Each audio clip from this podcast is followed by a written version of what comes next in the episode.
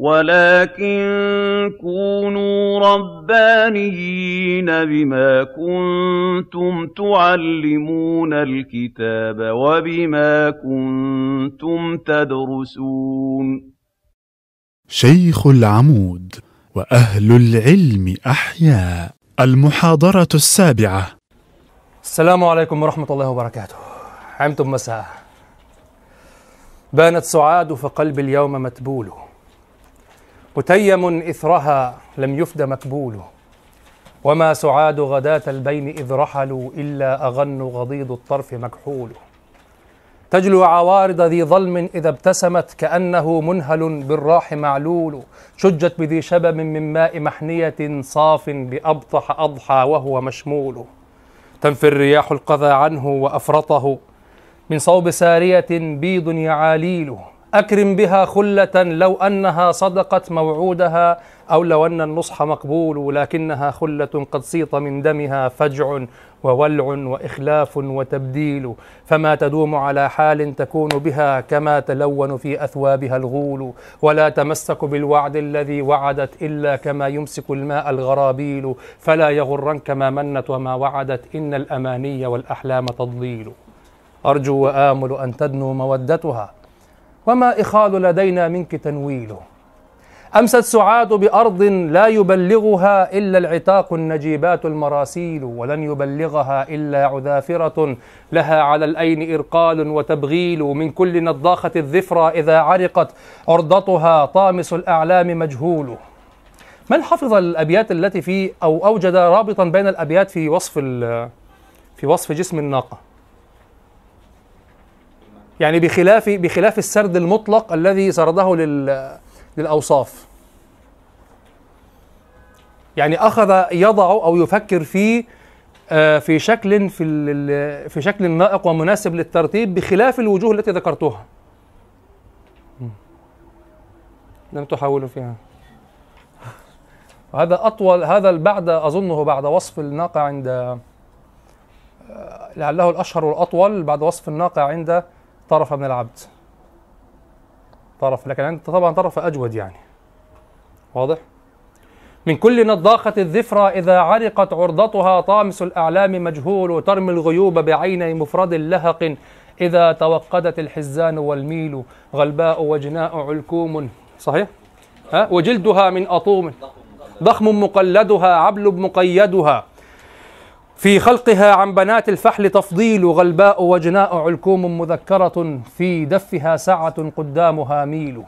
يمشي القراد عليها أخ أخ وجلدها من أطوم ما يؤيسه طلح بضاحية المتنين مهزول. ضخم حرف أخوها أبوها من مهجنة. طبعا قلنا أخوها أبوها طبعا شرحنا العلاقة وقلنا في الإبل لابد أن يكون النسب واحدا يعني. هذا أفضل يعني. فيحصل التزاوج من داخل النسب الواحد. فحرف وطبعا اختلفوا فيها على وجوه ثلاثة على الأقل لكن في الأخير هو يريد أن يقول النسب واحد من جد من جد واحد أو من فحل واحد في كل في كل من الذكر والأنثى. نعم من الأبوين. حرف أخوها أبوها من مهجنة وعمها خالها قوداء شمليل. يمشي القراد عليها ثم يزلقه منها لبان وأقراب زهاليل. عيرانة قذفت بالنحض عن عرض. في مرفقها عن بنات الفحل مفتول. عن بنات الزور مفتول. عيرانة قذفت بالنحض عن عرض. مرفقها عن بنات الزور مفتول. مرحبا يا ملكي. غبت طويلا يا مولانا. نعم. عيرانة قذفت بالنحض عن عرض. مرفقها عن بنات الزور مفتول. كأنما فات عينيها ومذبحها. من خطمها ومن اللحيين برطيل تمر مثل عسيب النخل ذا خصل في غارز لم تخونه الأحاليل. قنواء في حرتيها للبصير بها عتق مبين وفي الخدين تسهيل تخدي على يسرات وهي لاحقة ذوابل مسهن الأرض تحليل. سمر العجايات يتركن الحصى زيما لم يقهن رؤوس الأكم تنعيل. كأن أغب ذراعيها إذا علقت وقد تلفع بالقول العساقيل. وقال يوما يظل به الحرباء مستخضا كأن ضاحيه بالشمس مملول وقال للقوم حاديهم وقد جعلت غرق الجنادب يركضن الحصاقيل. شد النهار ذراع عيطل نصف قامت فجاوبها نكد مثاكيل. نواحة الرخوة الضبعين ليس لها لما نعى بكرها الناعون معقول. تفري اللبان بكفيها ومدرعها مشقق عن تراقيها رعابيل يسعى الوشاة جنابيها وقولهم إنك يا ابن أبي سلمى لمقتول. وقال كل خليل كنت آمله لا ألهينك إني عنك مشغول. فقلت خلوا سبيلي لا أبا لكم. فكل ما قدر الرحمن مفعول. كل ابن أنثى وإن طالت سلامته يوما على آلة حدباء محمول. أنبئت أن رسول الله أوعدني. والعفو عند رسول الله مأمول. مهلا هداك الذي أعطاك نافلة القرآن فيها مواعيظ وتفصيل. لا تأخذني بأقوال الوشاة ولم أذنب وإن كثرت في الأقاويل.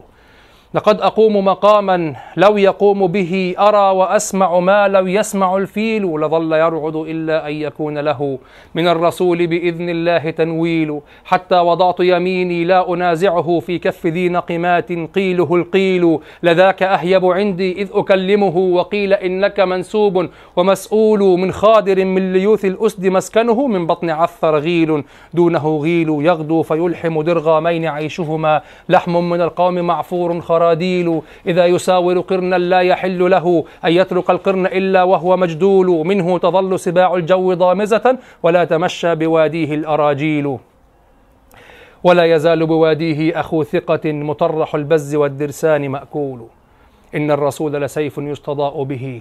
مهند من سيوف الله مسلول. في فتية من قريش قال قائلهم ببطن مكة لما أسلموا زولوا زالوا فما زال أنكاس ولا كشف عند اللقاء ولا ميل معازيل.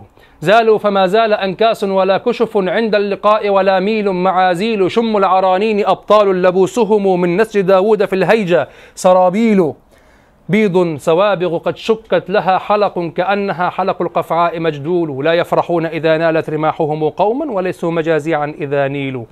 لا يقع يمشون يمشون مشي جمال الزهر يعصمهم. ضرب إذا عرض السود التنابيل لا يقع الطعن إلا في نحورهم. وما لهم عن حياض الموت تهليل. طيب حتى لا ننسى كنت أؤجل الكلام على البيت الذي أوردته بعض النسخ في في البردة. ولم تورده أكثر النسخ. هيفاء مقبلة. هيفاء مقبلة. عجزاء مدبرة. لا يشتكى قصر منها ولا طول. هذا البيت موجود في بعض النسخ وغير موجود في أكثر النسخ. وأنا عندي شيء يعني حول هذا البيت. يعني مرة نفيته من أن يكون في القصيدة. ومرة أثبته أن يكون في القصيدة. ثم رجعت أنفي وأثبت.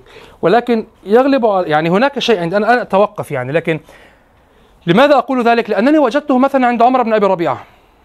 عند عمر وعمر بن أبي ربيعة معروف أنه يعتمد كثيرا على كلام القدماء المشهور ويضمنه في كلامه لأن الفنية عند عمر بن أبي ربيعة في ماذا؟ في السرد تعرفون؟ فن السرد عند ال... يسمى السرد في المصطلح الحديث وفي القديم أيضا استعمله ابن رشيق في العمدة قال السرد القص والسرد السرد يعني في الحكاية في القصة واضح؟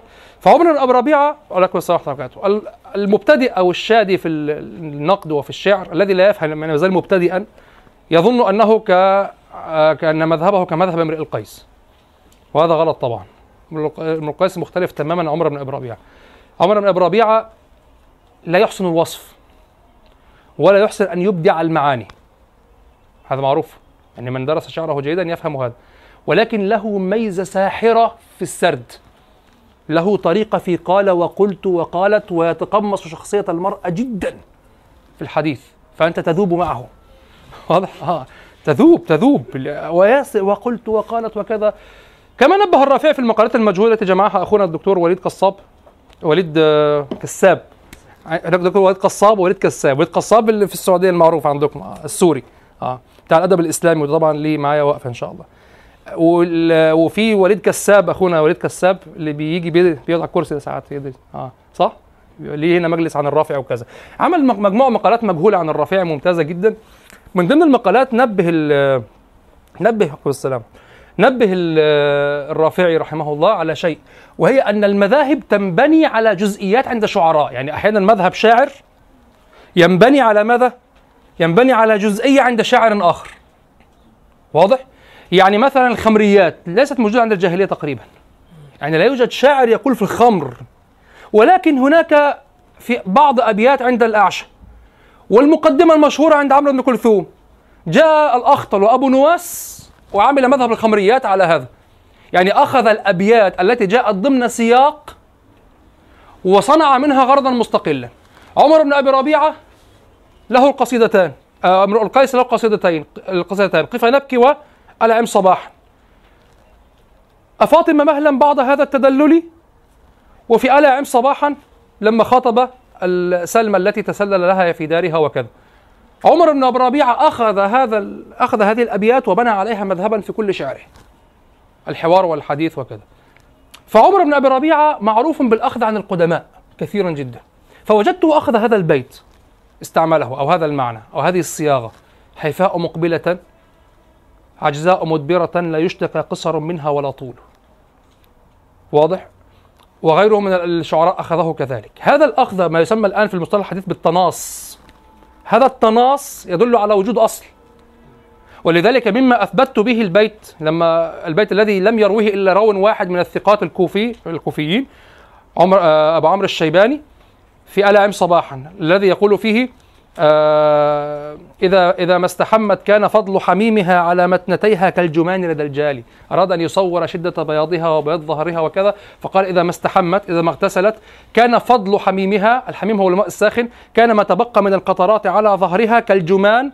الجمان هو حبات الفضة تصنع على هيئة حبات اللؤلؤ. لدى الجالي الذي الجالي هو البائع يجليها يكشفها للبيع. يرصع بها لوحا خشبيا هكذا. فقلت هذا التصوير لامرئ القيس يشبهه جدا وأثبتت هذا البيت. ثم وجدت شعراء يستعملون هذا البيت أيضا قدماء فيدل على أنه موجود وليس اختلاقا. فهمتم؟ فكذلك هذا البيت هيفاء مقبلة عجزاء مدبرة لا يشتكى قصرا منها ولا طول. قلت هذا البيت يعني نعم لكن لم أجده في أكثر النسخ. فعندي اقتراح عندي اقتراح في هذا. لا أقوله إلا اقتراحا فقط يعني التفكير لا أدعيه. أؤكد لا أدعيه ليس صوابا لا أقول هو الصواب لكن محتمل أن يكون كذلك. أن الذين فسروا هذا الكلام من القدماء يعلمون من هي سعاد وأن سعاد هي هذه السعادة التي فقدت بعد أن أهدر النبي صلى الله عليه وسلم دم كعب. وهذا يكاد أن يجمع عليه أهل الذوق. كل من يقرأ القصيدة ويرى سياق القصيدة يعرف أمست سعاد بأرض لا يبلغها إلا العتاق النجم ثم يذكر الرحلة بالناقة بهذه العذافرة.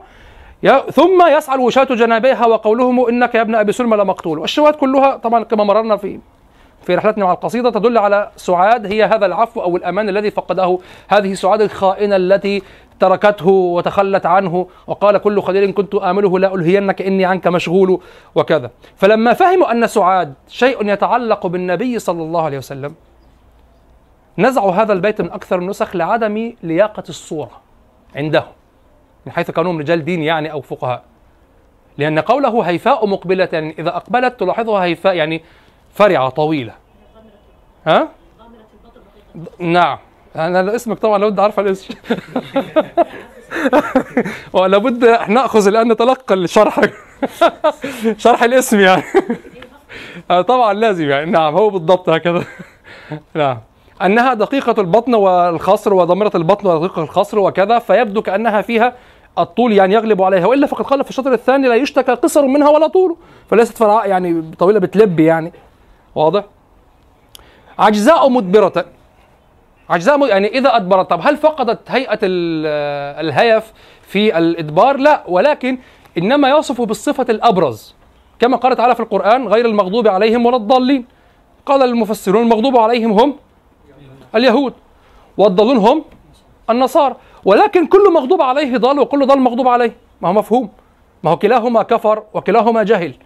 لكن لما كفر اليهود عن علم وكانوا أهل علم وكذا وعناد وكذا آه، وصفوا بالغضب عليهم. كان الصفة الأبرز الغضب عليهم. ولما كان الآخرون النصارى معروف عنهم الجهل أصلا معروف أصلا مبدأهم ثلاثة في واحد مش مفهومة يعني. واخد بالك؟ مبدأهم أصلا غلط. ولذلك الإلحاد الذي يقع في النصارى أكثر مما يقع في المسلمين. نعم هذا معروف. يعني تفكرش إن الملحد والنصراني إيد واحدة. لا الملحد والنصراني مش إيد واحدة ولا حاجة. ده هو بيحط على النصرانية أكثر بيحط على الإسلام الملحد يعني. واضح؟ لأنه مبني أصلا على تفكير غير سليم. كان سبب يعني النصارى النصرانية المحرفة هي سبب سبب الإلحاد الشديد يعني. طبعا النصرانية محر... أصلا أصلا أول نقد يوجه للدين لابد أن يوجه للنصرانية اولا. واضح؟ لو لو اتكلمنا على الاديان أنها أديان باطلة واتفقنا لو اتفقنا أن الاديان فكرة باطلة على الواجهة هكذا نصرانية. واضح؟ المهم نعم؟ تاريخيا ده اللي حصل. وتاريخيا مفهوم صحيح. والإلحاد مبكر جدا فيهم يعني الإلحاد برضه جالنا منهم برضه برضه منهم. بالك المهم أو يعني ممن ألحد عليهم يعني. المهم ف فلما كان النصارى أكثر من ضل أو ضلوا أيضا غضب عليهم ولكن كان الجهل هو البارز فيهم وكذا كانوا ضالين. فوصفوا بأنهم ضلوا لكن كل مغضوب عليه ضال وكل ضال مغضوب عليه. فكذلك هنا. هي عجزاء مدبرة هي هيفاء مدبرة أيضا. لكن الصفة الأبرز عجزاء يعني كبيرة العجز يعني مع دقة الخصر وكذا. فربما استهجنوا هذه الصورة في حق النبي صلى الله عليه وسلم. ربما والله أعلم. فنفوا هذا البيت. لأنهم يعلمون لأن الأمان الذي قال أمست سعاد بأرض التي هي أرض النبي صلى الله عليه وسلم المدينة. أمست سعاد بأرض. فكيف سعاد أمست بأرض؟ أو يعني الصفة التي مع سعاد أو ما تملكه سعاد هو الأمان والسعادة وكذا ويقول و- ويصفها بأنها عجزاء مدبرة أو هيفاء مقبلة عجزاء مدبرة. السياق نفسه يعني يسمح بوجود بيت زي ده؟ السياق يسمح. السياق يسمح طبعا. طبعا. تفضل.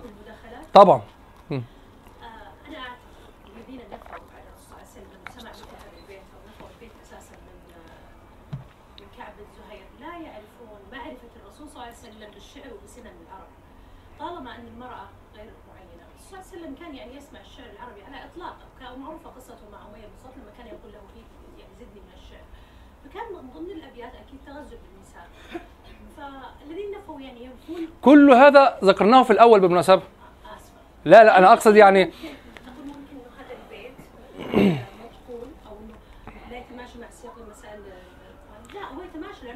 هو يتماشى يتماشى لكنه غير موجود في أكثر النسخ. فلذلك أنا أقترح أقول ربما أن البعض نزعه تحرجا.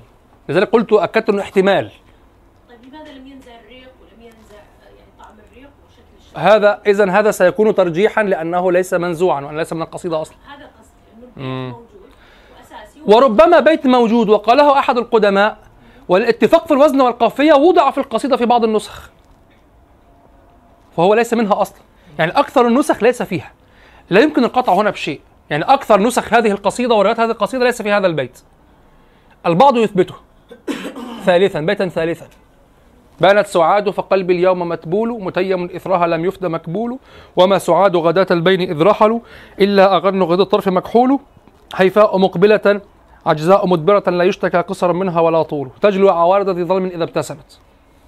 هو ال- القصيدة لا تلفظه وتقبله لكن أكثر النسخ ليس فيها هذا البيت. ولذلك أكثر الشراح لم يشرحوه وبعض الشراح شرحوه. واضح؟ فأنا أقول ربما لعل لكن البيت موجود في القديم لأنه وقع منه تناص يعني وقع تداوله الشعراء من بعده.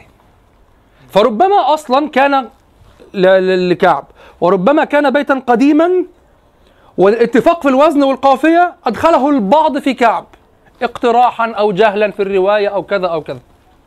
تفضل. الرواية يحذفوه عشان هو مش مناسب. يعني بعيدة نوعا. بعيد مم. هو ممكن يعني هم مش مش هيكونوا اخرس من صاحب القصيده عنها يعني اذا هو شايفه مش مناسب مش أنا بقى أدعي أنه هيكون أحرص من صاحب القصيدة ليه بقى؟ لأن صاحب القصيدة وهو يقول هذه القصيدة كان شاعرا جاهليا بحتا ان آه، ما هي المشكلة أنني أدعي وأثبتت ذلك من. ده استهلكنا محاضرتين في الموضوع ده أن ال...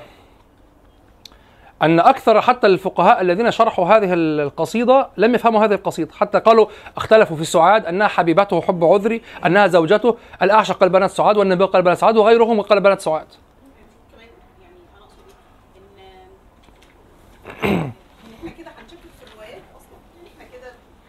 صحيح. صحيح. هو هو ده حصل. هو ده حصل. هناك قصائد بالكامل لم تروى تحرجا شرعيا. وهناك قصائد حذفت منها أبيات يعني ثبت أن بعض الفقهاء يحذفون بعض الأبيات أو بعض ال... لا أقول الفقهاء بعض ال- الغيورين. صحيح لا ده هذا الأصل هذا الأصل. لذلك أنا أقول ربما ربما لكن أنا أعتمد على أن أكثر الروايات لم تشرح هذا البيت ولم ترد هذا البيت. أنا أقول ربما كان كذلك ربما. لكن الأصل عندي أنه لم يروى أصلا. يعني ال- لا. لاز- غير موجود. آه أكثرها غير موجود. طيب نحن توقفنا عند قوله يسعى الوشاة جنابيها وقولهم إنك يا ابن أبي سلمى لمقتول. وقال بعد هذا البيت لابد أن نصل هكذا مباشرة. هو قال يسعى الوشاة جنابيها.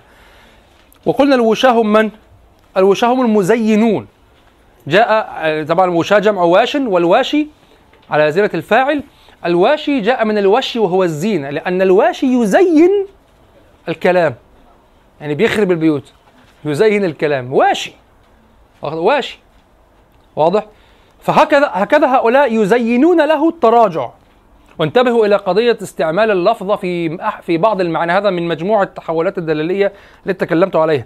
تستعمل اللفظ في باب واحد دون أبواب. وتقتصر على هذا الباب. فكذلك الوشاء. استعمله في استعملناه في النمام صح؟ يشي.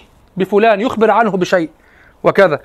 هو مزين يزين. ولذلك هنا سماهم وشاة ولا يعني هم فقط يزينون له أو يخبرونه ستقتل. لا تفعل. سماهم وشاة مع أنهم لا يلمون بشيء.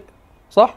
لا يقولون له يعني يقول عنك ويقول لا ليس لا, لا ينقضون شيئا في غير صالحه. لكن يزينون له البقاء. يخوفونه من القتل. يسعى الوشاة جنابيها وقولهم وهذا هو الحال. يعني والحال أن قولهم إنك يا ابن أبي سلمى لمقتول. وقال كل خليل هنا هذه الواو واو الحال. انتبهوا. لأن البعض سيفصل في الكلام. هذه الواو الحال. يعني يقولون لي هذا. يسعى الوشاة جنابيها. وقولهم يعني هم يقولون هذا. وقولهم إنك يا ابن أبي سلمى لمقتول. وقال كل خليل. يعني والحال أن كل خليل قال. وقال كل خليل كنت آمله. لا ألهينك إني عنك مشغول. هذا البيت صعب جدا على النفس. يعني ما عطلكش ما عطلكش. ويحشك لا شوف واستعمل انظر إلى النظم. قال وقال كل خليل. كل خليل. يعني كان أقصى الأبيات على نفسي من قبل هذا البيت هو قول من؟ قول طرف بن العبد. آه، أسلمني قومي ولم يغضبوا لسوءة حلت بهم فادحة. كل خليل كنت خاللته لا ترك الله له واضحة. كلهم أروغ من ثعلب. ما أشبه الليلة بالبارحة. واضح؟ وصارت مثلا يعني. شوف المثل ده من الجاهلي عن طرف ف فيقول هنا وقال كل خليل ولم يقل كل صديق ولا كل مؤازر ولا كل جار ولا كل كل موال أو ولي لا قال كل خليل يعني صاحب. وقال كل خليل كنت آمله يعني كنت أرجو أن يكون فيه شيء. لا ألهينك.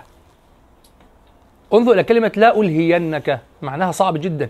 كان من الممكن أن يرد بالحسن أن يعتذر وخ- لا, لا ألهينك يعني لا ما عطلكش. لا أشغلك. إني عنك مشغول. كان ممكن أن يتم الكلام بخلاف هذا يعتذر عن عدم قدرته وينتهي. لكن كعب هنا أراد أن يبين ماذا؟ ربما لم يحدث هذا الكلام في الحقيقة. يعني هم اعتذروا إليه فعلا وكذا لكن هو أراد أن يصور الأمر مبالغة للنبي صلى الله عليه وسلم. خضوع قلت لكم قصيدة جاهلية. واضح؟ خضوع زيادة في الخضوع له. فقال وقال كل خليل كنت أمل لا ألهينك إني عنك مشغول وأنا ظني بالأخل الأخلاء أنهم لن يقولوا هذا. إني أنا في شغل عنك خلاص لا أعرفك. هك أو هكذا وقع في نفس كعب فصوره هذا التصوير. هكذا وقع في نفسه. م? هو شافها كده. رآها كذلك. زي امرؤ القيس يعني كان مظلوم. لما قال آه، في الرائية لما قال ألا أرى أم عمرو دمعها قد تحدر بكاء على عمرو وما كان أصبر إذا نحن سرنا خمس عشرة ليلة وراء الحساء من مدافع قيصر. إذا قلت هذا صاحب قد رضيته وقرت به العينان بدلت آخر كذلك جدي يعني حظي. ما أصاحب صاحبا من الناس إلا خانني وتغير.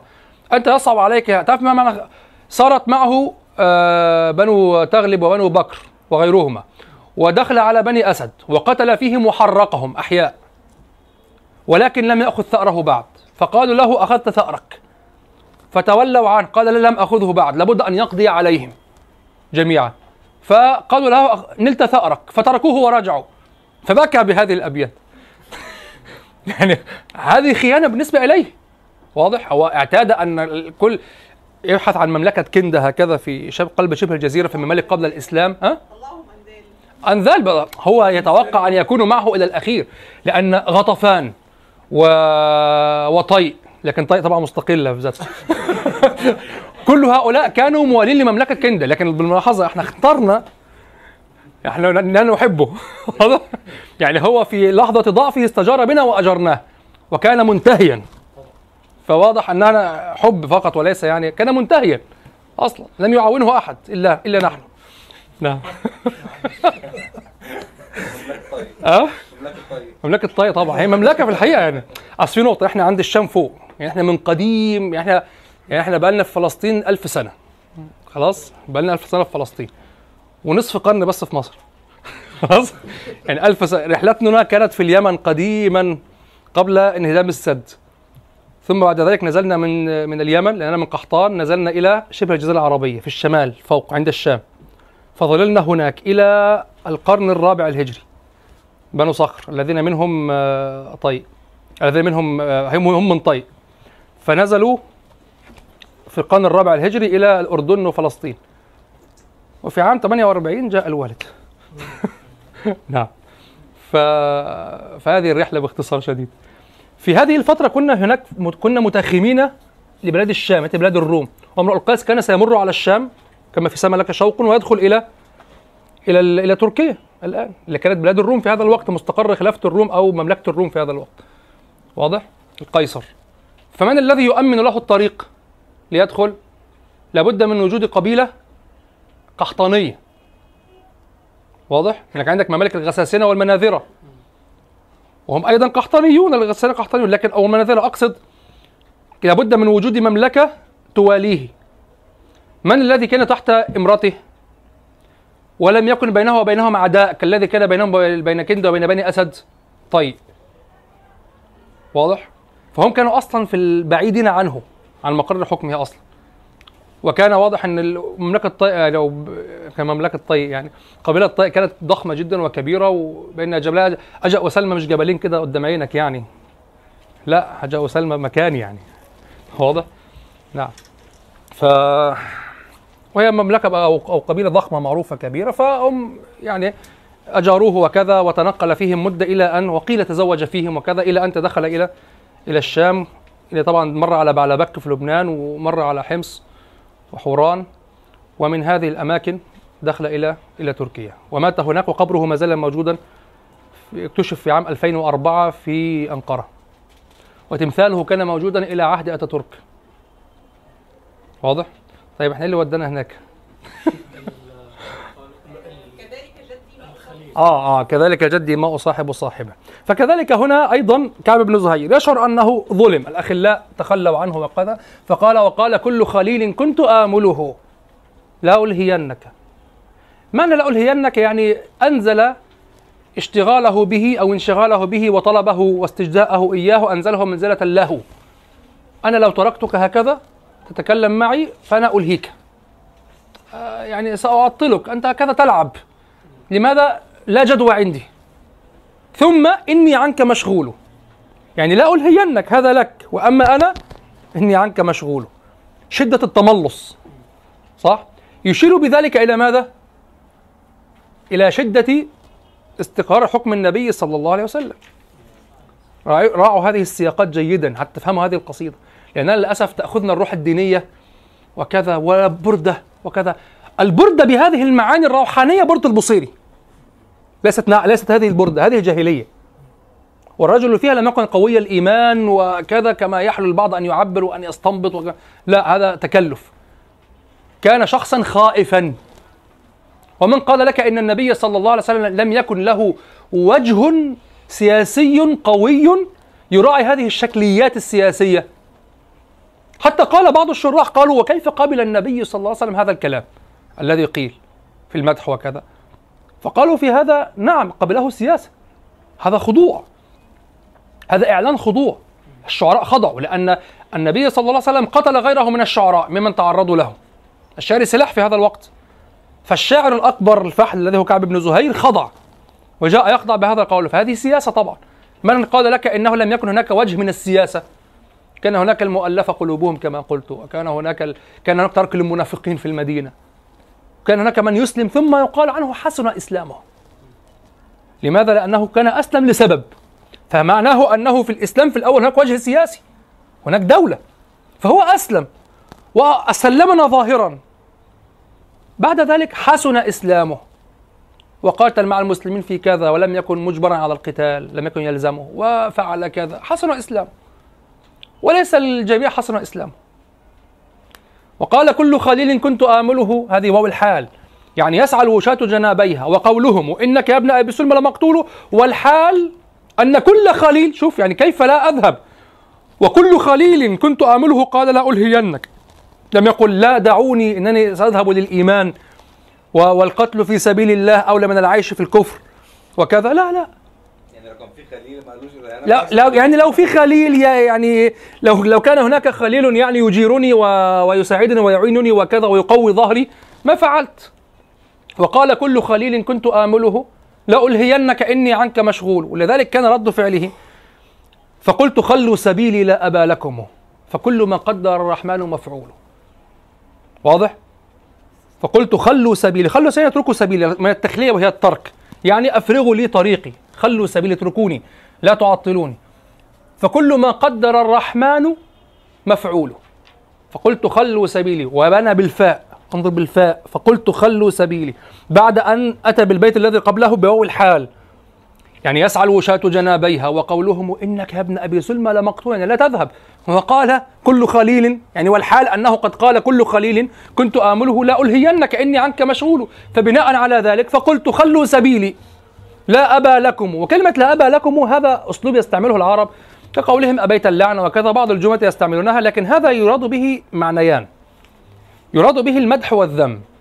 أما المدح لا أبا له أو لا, ب... لا أبا لك ولا يقول لا أبا لا, لا أبا لك. لا أبا لك معناه أنك يعني وحيد من نوعك أو وحيد من من طرازك يعني. أنك يعني ليس لك أب لينجب غيرك. أنت هكذا خلقت كما أنت هكذا. يعني أنت مالكش مالكش مفيش منك اثنين كما في مصر مفيش منك اثنين لا أبا لك.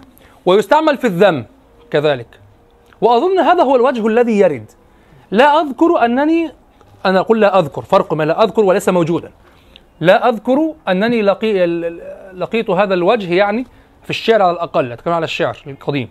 أنني لقيت هذا الوجه في الشعر القديم آه، من باب المدح. كله من باب الذم. حتى ولو لا يراد ظاهره. لا أبا لك يعني لأن هذا سب عند العرب لا أبا لك. يعني مش معروف نسبك أنت مين؟ طبعا في أمريكا عادي في أوروبا عادي الموضوع ما فيش آه إيه يعني مش مش مهم. لكن لا عند العرب لا. من أبي يعني. واضح؟ لا أبا لك. وهذا لا يراد به ظاهره لأنه استعمله عنترة. تعرفون أبيات عنترة الشهيرة المو... الجميلة؟ لما أقول بكرت تخوفني الحتوف كأنني أصبحت عن غرض الحتوف بمعزلي. فأجبتها إن المنية منهل لا بد أن أسقى بكأس المنهل. فقني حياءك. يعني احفظي حياءك. فقني حياءك لا أب... عنيف الراجل ده. فقني حياءك لا أبا لك واعلمي. شوف فقني حياءك لا أبا لك واعلمي أني امرؤ سأموت إن لم أقتلي. واضح؟ ففقني حياءك لا أبا لك. لا أبا لك يعني فقدت أباك. لا ثكلتك أمك. ولا يقصد الحقيقة. والعرب يتجوزون جدا في الكلام ويتوسعون قاتله الله. شعر خبيث. مدح. النبي قال سكرتك أمك آه اللفظ يجري. توسع شديد عند العرب في الكلام. تربت يداك ثكلتك أمك. عادي يعني إيه اعمل ثكلتك أمك يعني. آه ترب يخرب بيتك أنت بتعمل إيه؟ هزار. آه هكذا يعني. هناك توسع شديد في الكلام. واضح. مثلا جرير لما قال في امرئ القيس الخبيث اتخذ الشر علينا يطؤهما كيف شاء. فالبعض ربما يظن الخبيث يعني خبيث فعلا في معانيه وخبيث الخبيث. أيضا في نقد الشعراء لعنه الله قتله الله ما أشعره. لعنة الله عليه. واضح. فقط تجوز في الكلام توسع. لكن طبعا يأخذ قدرا من المعاني الأصلية. يعني فيها شدة أيضا. واضح. بس أحيانا يبقى يبقى ذم أو مدح يعني هو قاتله الله ممكن يبقى ذم أو ممكن يبقى مدح الاثنين و- لا أبا لك. ما لقيته هو الذم يمكن أن تستعملها في المدح بتحويل كلعنه الله وقتله الله وليس على الأول لا أبا لك يعني لا مثيل لك.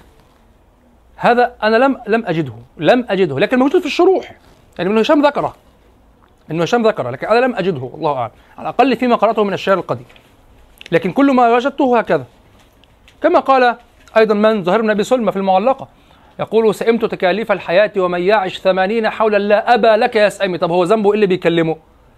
لا أبا لك يا سأمي يعني أي بتنرفز عليه بس. يعني معناه نرفز عليه. هو يقول سئمت. هو ما فيش حوار بينه وبين الآخر. سئمت تكاليف الحياة ومن يعش ثمانين حولا. لا أبا لك يا سأمي طب هو ذنبه إيه؟ لا أبا لك. هكذا جرت على اللسان. أه؟ البعض الشراح قال هذا وتفسير بارد. يعني البعض يحمل في شرح معلقة زهير يقول لا أبا لك يعني لا مثيل لك. ليه وصل لكن هو أقرب إلى العصبية أقرب إلى الضيق الذي بلغه لما بلغ الثمانين. وأنا أتصور من الذي يمل إذا بلغ الثمانين الله أعلم. يمل عايز مستعجل بقى خلاص يعني صعبة. يعني يعني لا هذا أصلها. لكن مثلا فقدت زي لعنه الله زي فقدت اباك يعني زي ثكلت قومك يعني لعنه الله مصطلح نقدي إسلامي بالمناسبة. يعني اكتسب قوته الأصلية التي هي أصلية ثم تحولت في المدح في الشعر مصطلح عباسي إسلامي.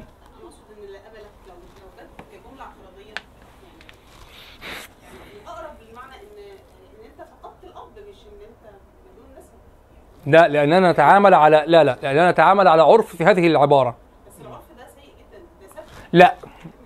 لا لا. لأنه تحول في الاستعمال إلى شيء يظهر فيه الأصل ولا يراد به هذا الأصل. وده اللي بقوله بقى. تحول إلى ماذا؟ إلى قوة في الانفعال. وفقد أصله. زي يخرب بيته. دلوقتي بقى على فكرة حتى بيقولوا على الشعراء كده بقت على سنه الإخوة لما نحط أبيات حلوة يقول لك يخرب بيته. يخرب بيته إيه الجمال ده؟ يخ... أو أنت عايزه يخرب بيته بجد؟ ما خلاص مش هقول شعر تاني في عصرنا الكلمات دي بقت الناس تتحاسب عليها يعني واحد يقول لواحد يخرب بيتك يقول له لا مش كده أنا ماليش دعوة. أنا بقول. بس انت المقصود ماليش دعوة. أه؟ لاصل المعنى ماشي إحنا عشان بسبب التوجهات الدينية اللي عصبها هقول لك ملحد بقى. مش, مش مشكلة.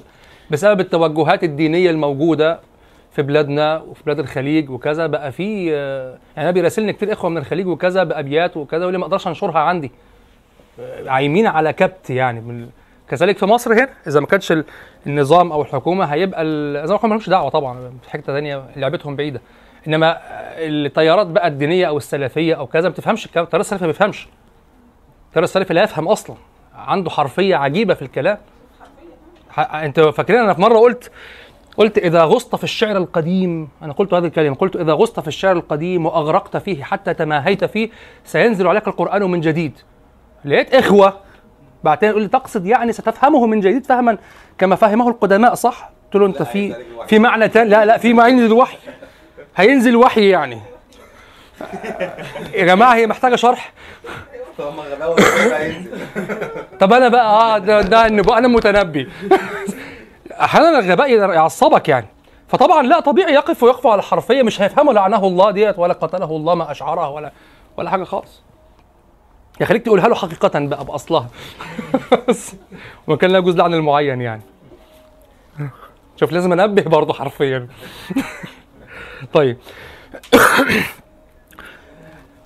وقال كل خليل كنت آمله لا ألهينك إني عنك مشغول فقلت خلوا سبيلي لا أبا لكم. هنا بقى استعمل الواضح استعمال المعنى الأصلي في الذم لكن ليس معناه أنه لا أبا لك فعلا. يرجع للعرف اللغة وثقافة اللغة ولذلك الشرط حتى في المذاهب كالبنيوية والشكلانية حتى المذاهب التي تشترط آه التي تشترط تعامل أن تعامل النص على أنه بنية مغلقة بخلاف الرومانتيكية والتوجهات تأخذ من خارج النص وكذا واضح؟ أو السياقية في حياة الشاعر أو كذا أو البيئة الاجتماعية. حتى هذه المذاهب تشترط أن تأخذ من خارج النص شيئا واحدا فقط. هو ثقافة هذا النص. يعني كل نص لابد أن ترى في بيئته كيف تستعمل هذه النصوص؟ كيف هذه المجازات تستعمل؟ وهناك ما ينظر هذا في أصول الفقه قاعدة أصولية متفق عليها وهي أن تفسير النصوص يكون ب- ب- بمواردها الزمانية. يعني مثلا مثلا عمر بن الخطاب كان يشرب النبيذ. مثلا أو الصحابة يشربون النبيذ. ما هو النبيذ؟ من أصل اللغة النبذ. هو خشاف يا جماعة. زبيب وبلح مرمي ومنقوع. دلوقتي النبيذ عندنا إيه؟ طيب حرمت النصوص حرمت الحرير. طب دلوقتي بعض الأنسجة الصناعية بنسميها حرير. الفسكوز أو كذا والحاجات دي بيسموها حرير. مش حرام. واضح؟ روح بقى بيسموا السكر المعود بيسموه عسل. روح بقى واحد المفروض ياخد عسل في العلاج اديله سكر معود بقى. واضح؟ وفي مصر بيسموا الكنتالوب ده أناناس. صح؟ الكنتالوب ده أناناس شمام ده أناناس. هو مش أناناس الأناناس ده اللي عارفه حاجة تانية. واضح؟ فانت في العلاج بقى ادي ده مكان ده وكل حاجة بقت مزورة. كل حاجة بقت مزورة. المهم ف يقول وقال كل آه. فقلت خلوا سبيل فقلت خلوا سبيلي لا أبا لكم. فكل ما قدر الرحمن مفعوله. وهذا تفهم منه أن الكفار لما قالوا آه، ما الرحمن؟ أنه كان من باب المكابرة. واضح؟ اسجدوا للرحمن ما الرحمن؟ يعني لا يعرفون الرحمن. واضح؟ فلا يعني ما الرحمن؟ أنه من باب المكابرة أو ما الرحمن الذي تأمرنا أن نسجد له وحده؟ وأنه إله وحيد وليس له آلهة تنوب عنه. فكل ما قدر الرحمن ويفعل ويحتمل أنه أخذه من ثقافة المسلمين. ربما. لأنه كان جاهل وقال فكل ما قدر الرحمن هو أمن بالله. مرة أخرى. هو كان القصيدة كتبها في الجاهلية نعم. وقال فكل ما قدر الرحمن أخونا عراقي. آه. عشان الناس بتاع عايزين يعرف آه. أخونا عراقي. وجانبه عراقي. مبين إنه مؤمن بالرحمن. آه. مؤمن إن الله كاتب آه، سيحدث ننظر في أمرين. ننظر في أولا أنه جاهلي واستعمل الرحمن. واضح؟ ثم ننظر في السياق. قدر الرحمن مفعوله. كأنه يشير إلى صفة الرحمة وأنه سيرحم. فكل ما قدر الرحمن. لكن لو قد كل ما قدر الحكيم. واضح؟ كل ما قدر اللطيف لكن كل ما قدر الرحمن.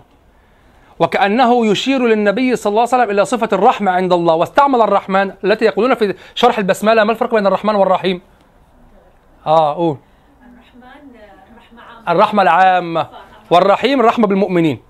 ولهذا وقع وقع وقع إشكال بلاغي في آه وقع إشكال بلاغي في تفسير البسملة على القاعدة البلاغية بأن الإضافة لابد أن تكون للمعنى الأعلى. فقالوا الرحيم خاص بالمؤمنين والرحمن خاص بالجميع فهي أخف. فيرد عليهم بأنه لا. إذا كان الرحمن خاص بالجميع ويدخل معهم المؤمنون فكأن الله تعالى قال يرحم المؤمنين وليسوا فقط بل الرحمة أيضا متاحة للكافرين يرحمهم. في الدنيا أيضا بقدر ما يستحقون ويرحمهم أيضا إذا أسلموا. فالمعنى هنا يحوي زيادة. فكلم المؤمنين أولا ثم عم الرحمة لغير المؤمنين. الأخبار. واضح؟ طيب. فيقول فكل ما قدر الرحمن مفعول وأنا أرى أنه إشارة هو يعرف الرحمن وأن الكفار كانوا يعاندون لما قالوا وما الرحمن؟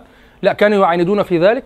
لكن يظهر لي والله أعلم أنه إشارة للنبي صلى الله عليه وسلم بأن يكون تقدير الله سبحانه وتعالى تقديرا رحيما. فكل ما قدر الرحمن. بخلاف عمر بن أبي ربيعة لما قال فقالت وقد لانت وأخ و... و... وأفرخ روعها كلاك بحفظ ربك المتكبر. لا علاقة بين الحفظ والتكبر هو ضاقت عليه القافية. فقط. فهمتم؟ لما يقول فحييت إذ فاجأتها فتولهت وكادت بمخفوض التحية تجهر وقالت وعضت بالبنان فضحتني وأنت امرؤ ميسور أمرك أعسر أريتك إذ هن عليك ألم تخف وقيت وحولي من عدوك حضر فوالله ما أدري أتعجيل حاجة سرت بك أم قد نام من كنت تحذر فقلت لها بل قادني الشوق والهوى إليك وما, نف وما نفس من الناس تشعر فقالت وقد لانت وأفرخ روعها كلاك بحفظ ربك المتكبر ما علاقة المتكبر بكلاك بحفظ؟ متكبر. ربنا يرحمهم ويرحمنا جميعا يعني. يعني أنا في الحقيقة يعني أشعر ب بعدم مروءة وعدم وفاء لما اسوغ لنفسي سواء هؤلاء الشعراء أو الجاهليين يعني إن إحنا نقعد عشان كفار نتكلم عليهم عشان كفار دول مش عارف إيه كذا وأنت عمال تستفيد من شعرهم وتقول كفار وتذم فيهم. طب على اسكت مروءة يعني. أنا فاهم أنا فاهم بس متكبر في المكان ده يعني جميل إزاي يعني هو لو وجدنا لها صرفة هتبقى هي بتهيألي. هي قوية برضو يعني ليها تصرف كده و... وجلدة كده. الله أعلم يعني. فالمهم ب... فأعوزته القافية. هذا عمر بن أبي ربيعة. بخلاف هنا الرحمن مطلوبة في الوزن ليس يعني هي مطلوبة في النظم ولم يأتي بها الوزن لم يجلبها الوزن. فكل ما قدر الرحمن مفعوله. ويكمل كل ابن أنثى وإن طالت سلامته هذه القصيدة يؤكد هذه الأبيات الأربعة الأخيرة التي إلى هذا البيت. يسعى الوشاة جنابيها وقولهم إنك يا ابن أبي سلمى لمقتول. وقال كل خليل كنت آمله لا ألهينك إني عنك مشغول. فقلت خلوا سبيلي لا أبا لكم. فكل ما قدر الرحمن مفعول. كل ابن أنثى وإن طالت سلامته يوما على آلة حدباء محمول. هذا يؤكد على جاهلية القصيدة. الرجل يقول دعوني لا مفر لي انتهى. سأقتل. خلاص كله تخلى عني. تقولون لي هذا وقد تخليتم عني؟ خلاص سيبوني اجرب وأنا وحظي. كلام شخص خائف تماما ليس أنه ملأ الإيمان قلبه وكذا و... لا هذا كلام في البردة وقصائد الصوفية. أما هذه القصائد فلا. قصيدة بر... كعب بن زهير لا. ولذلك عمليا عمليا يعني أنا أعرف الجميع كان ينتظر هذه القصيدة كانت مفاجأة وينتظر يعني البردة الأولى والمدحة الأولى تفاجأ بال وصف الناقة أطول كلام في وصف الناقة واضح وتفاجئ بسعاد الخائنة في الأول غدارة ولا تمسك بالوعد الذي وعدت وكذا أو زعمت وكذا. ثم سيأتي المدح في بيت. مدح في بيت واحد. ومضة ومضة هكذا مصبوغة بالقصيدة أيضا كما سيأتي. واضح؟ فهي ومضة ف... أه؟ لا هو أراد صفة لا الرحمن تعم كل. كل الناس. فهو أشار هنا إلى معنى الرحمة العام الرحمن الفعلان. يعني أدخل في الرحمة يا رسول الله. وبالمناسبة الرحمة تعم. إن الله يستجيب دعاء الكافر. إذا كان مظلوم أو دعاء المظلوم ولو كان كافرا. فأنت ما تستهينش بقى بالكافر. إحنا حاسس إن أنت معاك صك في الاسلام وعمال بقى ده كافر وتحط على دماغ الكافر ومش عارف ده كافر ده كذا ده الكافر ده لو ظلمته وده عليك هيجيبك الأرض يعني. واضح إن هو عبد لله وله قدر على الله عند الله. أنت مش واخد بالك منه. له قدر بأصله وفطرته عند الله. ثم أمره مرهون متروك لله سبحانه وتعالى. واضح انما أحكام ال- القتل والردة وكذا دي أحكام سلطانية. والأحكام السلطانية مختلفة تماما. تماما. الأحكام السلطانية متعلقة بإدارة الدولة. ال- الأمور ال- يعني تخرج عن الأصل. كل ابن أنثى وإن طالت سلامته. يعجبني هنا تعبيره بكل ابن أنثى. ابن أنثى. يعني كل موجود. يعني حتى عيسى عليه السلام. يعني اذا قلت تفكر من الذي ليس له لا كل ابن أنثى. واضح؟ نعم. كل ابن أنثى. يعني كل من له أم. من ليس له أم؟ لا يوجد. وإن طالت سلامته. انظر إلى قوله وإن. وإن. واضح؟ ان تفيد التقليل مع الشرطيه لما تقول وإن كذا يعني يفيد أن ما بعدها قليل الوقوع. فمن الذي تطول سلامته؟ نادر جدا. ليس يسلم تماما. لا الإنسان خلق في كبد. واضح؟ لا لكن تطول سلامته يظل مدة من الزمن لا يقع له شيء. إيه وإن طالت سلامته؟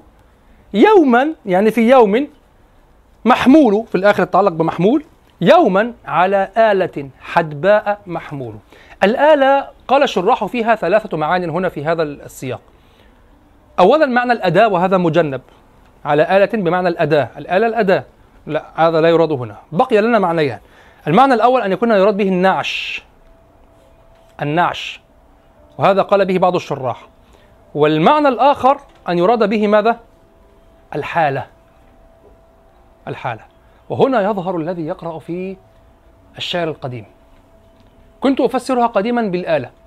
بالنعش لأنه قال يوما على آلة حدباء محمول ثم في خلال قراءتي ودائما نفعل هذا وأنتم تقرؤون في الشعر لابد أن تقفوا على مشتركات. وأساليب مشتركة واضح؟ تقفون على أساليب مشتركة فتدونون هذه الأشياء هذه الملاحظات لأنك بخلال هذه بخلال هذا التدوين إنما تدون ثقافة النص الذي تقرأه. أنت إذا قرأت النص هكذا وحده ماذا تفهم من الآلة الحدباء ال- التي يحمل تحمل عليها أو يحمل عليها الشخص المتكلم؟ يوما على آلة حدباء محمول. النعش صح؟ طيب أنا دونت مثلا مما دونته يعني مما فقط دونته من خلال ال- القراءة قول الحسين بن الحمام هذا في المفضلية الثانية عشرة من المفضلات قصيدة جاهلية. قال لأقسمت في جواب القسم لأقسمت لا تنفك مني محارب على آلة حدباء حتى تندم. يتوعد معشرا معينين ويقول لأقسمت لا تنفك مني محارب على آلة حدباء حتى تندم. رأيتم هنا الثقافة النصية؟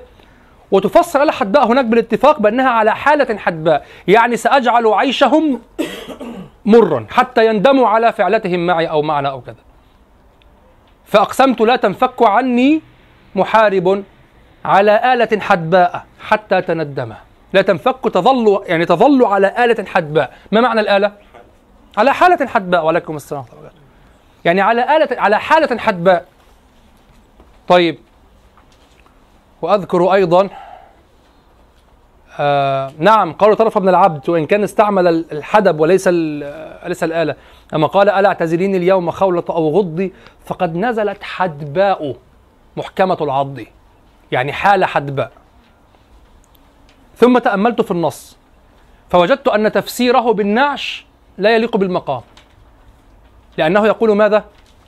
فقلت خلوا سبيلي لا أبا لكم. فكل ما قدر الرحمن مفعول كل ابن أنثى وإن طالت سلامته. فيقابل السلامة بماذا؟ بالموت. أم بتدهور الأحوال بحالة صعبة؟ فكل وإن طالت سلامته يوما على آلة حدباء محمول. يعني هو سيحمل على حالة مرة. صعبة. حداء صعبة وسيأتي إليها. هذا شيء وشيء آخر.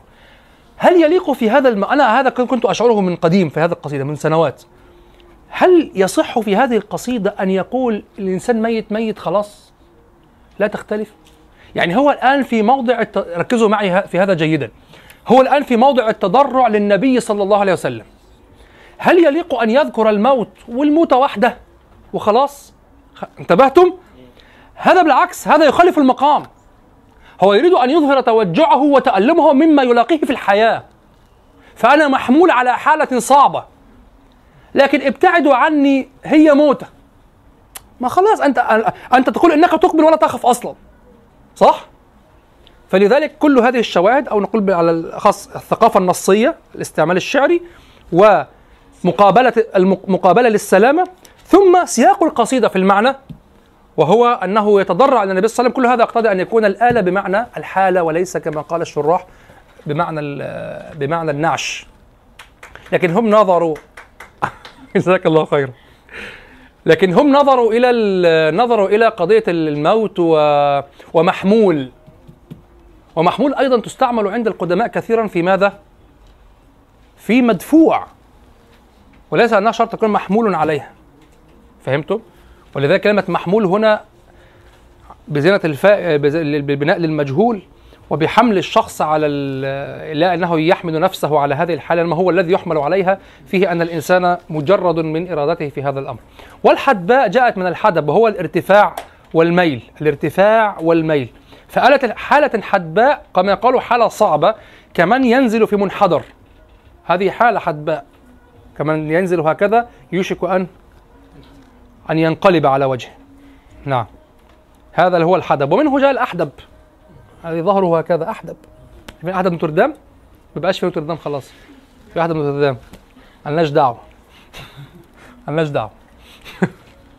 نعم اتفضل وإن طالت سلامته يحتمل بمعنى طال عمره لا. لا لا. كل ابن أنثى وإن طالت سلامته لا تحتاج هنا كما قال آه ابن الأثير في المثل السائر. قال قال الأصل في المعنى في المقدمات التي بنى عليها الكتاب قال الأصل في المعنى أنك تريد به ظاهره وألا يؤول. ولهذا رد على من يقولون في قوله تعالى وثيابك فطهر. طبعا يمكنك أن تتفق مع شخص في الأصل لكن تختلف معه في التطبيق. لما قال قوله قوله تعالى وثيابك فطهر فالبعض فسره بماذا؟ بالقلب. يعني طهر قلبك. واضح؟ وحملوه على قول امرئ القيس ماذا؟ فسلي ثيابي من ثيابك تنسلي. فأراد يعني سلي أنت قلب قلبك من قلبي. والمراد بالقلب حتى في عند امرئ القيس المراد بالثياب هنا الأمور الشأن. وليس القلب بمعنى القلب يعني. المهم فقال لا نحتاج إلى حمله على أكثر من الثياب. لكن يمكن أن تقول بسياق الأبيات بسياق الآيات وفي هذا التأقيت من التشريع أن يحمل على النفس أكثر مما يحمل على الثياب التي تتعلق بالأحكام. واضح؟ فقد يرجح هنا هذا القول الآخر. فالمهم الأصل أن يحمل على ظاهره. ما الذي يجعلني هنا أقول؟ آه وإن طالت سلامته. ما الذي يجعلني أن أقول هذا؟ ستقول نعم الآلة الحدباء. أصلا من قال إن استعمال الآلة الحدباء يستعمل عند القدماء في ثقافتهم هم على النعش أكثر مما يستعمل على الحالة؟ أنا جئتك بنص من القدماء. لكن هذا النص أو هذا الأسلوب ان- اندثر عندنا. آلة حدباء يعني حالة حدباء حالة صعبة الحدب في هذا ذكره طرف بن العبد ويمكن أن تحمله على الآلة أيضا. الله قال فقد نزلت حدباء يعني حالة صعبة وقال حسين بن الحمام فأقسمت لا تنفك عني محارب على آلة حدباء حتى تندم إلى أن تندم. أوكي إزاي تندم وهي محمولة يعني كل العشيرة تحمل على الناس. لا هو م- اتفاق. آلة حدباء هنا معناها معناها ال- الحالة. ونفس النص آلة حدباء في كعب. المشكلة عندنا نحن فقدنا هذا الأسلوب. فما الذي يجعلني أحمل السلامة على على أن اللغة لا تعينني أصلا على ذلك؟ أنه طال عمره. فهمت؟ نعم. كل ابن أنثى وإن طالت سلامته يوما على آلة حدباء محموله والآن ينتقل إلى لب القصيدة الذي اختصره جدا جدا جدا. وهو التبرؤ والاستعطاف. فقال أنبئت أن رسول الله أوعدني والعفو عند رسول الله مأمول. مهلا هداك الذي أعطاك نافلة القرآن فيها مواعظ وتفصيل. لا تأخذني بأقوال الوشاة ولم أذنب إن كثرت فيها الأقاويل. انظروا هذه الأبيات الثلاثة ماذا تناظر عند النبغة الذبياني في القدر؟ ها؟ أنا أظن كتبتها على. آه. لحظة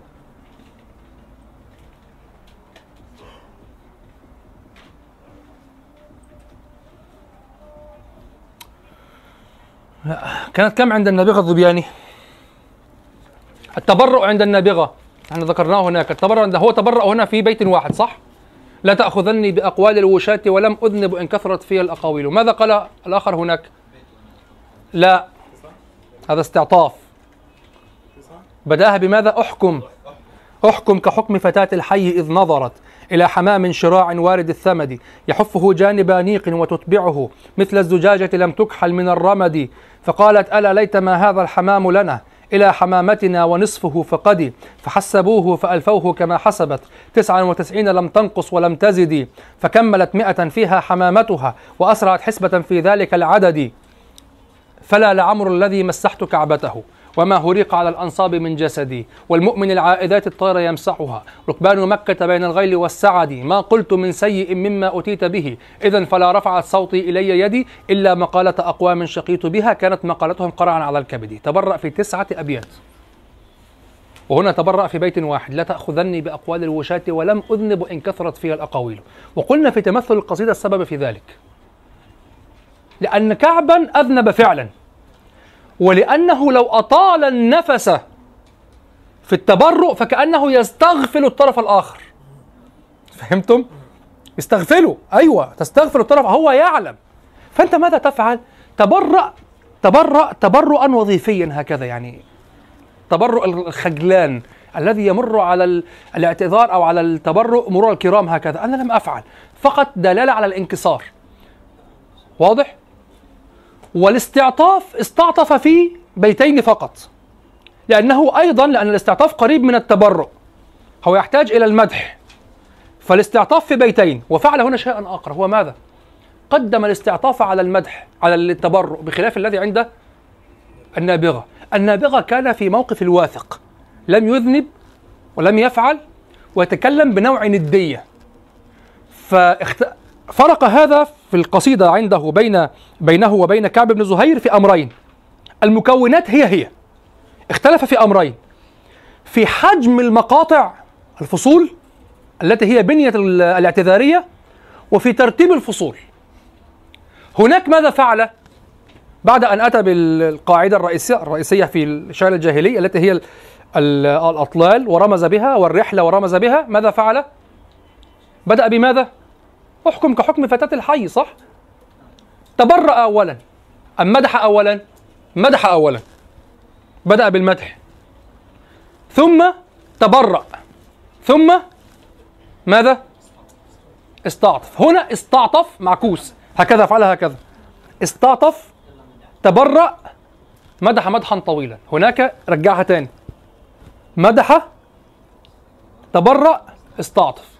هنا يحتاج إلى تقديم الاستعطاف. يحتاج إلى تقديم الاستعطاف. لأنه مخطئ. وأخر ماذا؟ أخر التبرؤ. لأنه لو بدأ كلامه لو بدأ كلامه بالتبرؤ وكأنه ذهب للاحتجاج. وأما لو أتى بالتبرؤ في سياق الاستعطاف فهو كلام الخائف. هناك مدح أولا وكأنه يقول لك أنت يعني أنت من أنت وكذا ثم تبرأ لأنه يحتج عليه. أنا لم أفعل.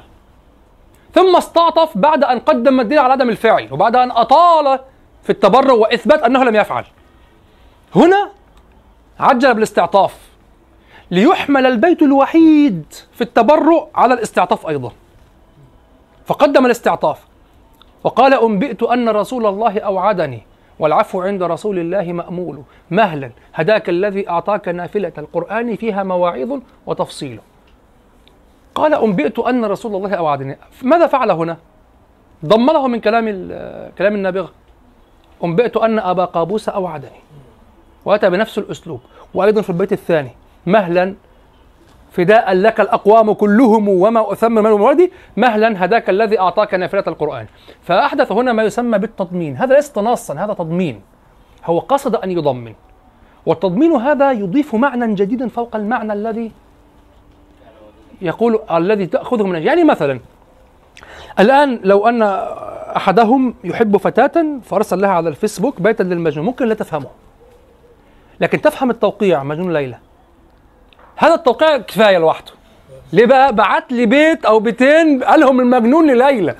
طب إيه فهمهم؟ إيه موضوعهم؟ ماليش دعوة مش مهم. ده ده قال لي بيتين المجنون قالهم لليلى. إيه ده؟ ده قيمة. هي قيمة. طبعا هي للأسف فقدت القيمة الأصلية للبيتين. هي المفروض تاخد قيمة البيتين زائد القيمة الجديدة. إن أنت بقى مخزون تاريخي. يعني أنا أعطيتك بيتين بقي على طول الدهر وكذا. هذا المعنى لم يكن موجودا في بيت المجنون لما قاله لليلى. صح؟ هذا ما يسمى يمكن أن تقول فيه التراكم أو التراكم دلالي أو آه، اكتساب ثقافه ال- ال- النص يكتسب ثقافة عبر الزمن. هذه الثقافة تستحضر في الكلام. يعني مثلا لما عمر بن أبي ربيعة يقول هذا تدرسوها في علم الحديث في باب التناص مش كده؟ التناص علم التناص يعني. ها؟ تناص آه. تجد مثلا عمر بن أبي ربيعة ماذا يقول؟ فلما أجزنا ساحة الحي قلنا لي هو مال فلما أجزنا ساحة الحي؟ يقول لك أنا بلعب. من ضمن المعنى الذي يزيد على المعنى الذي ذكره يعني هناك معنى يزيد على المعنى الذي ذكره. ما هو هذا المعنى؟ أنا بلعب يا جماعة. فاهمين الكلام؟ أنا أنا بلعب أنا بلعب. أنا بقتبس من القيس. لأنه لما قال هذا النص كانت الدنيا كلها تعلم فلما أجزنا ساحة الحي وانتحى بنا بطن حقف ذي ركام عقنقلي. هذا امرؤ القيس. كذلك لما قال فيا لك من ليل تقاصر طوله وما كان ليلي قبل ذلك يقصر ماذا قال امرؤ القيس؟ فيا لك من ليل كأن نجومه بكل مغار الفتل شدت بيذبلي. عكسها. فماذا أقول لك؟ انظر أنا حالي اختلف عن امرؤ القيس. هو كان متنكدا وكذا وأما أنا فسعيد وأما أنا فأفعل وأما أنا وأما أنا. واضح؟ هذه معاني زائدة على المعاني النصية. هذا تدرسونه؟ كذلك في علم الأسلوب. في علم الأسلوب. لأن هذه معاني تستعمل في في ظل ثقافة نص ترفع من أسلوبية النص أو من من المعاني التي يوحي بها النص. واضح؟ فكذلك لما قال أنبئت أن أبا قابوس أوعدني هذا النابغة فقال أنبئت أن رسول الله أوعدني. فكان في هذا الوقت كانت هذه القصيدة للنابغة كانت الأشهر على الإطلاق وكانت الأنجع في النتيجة.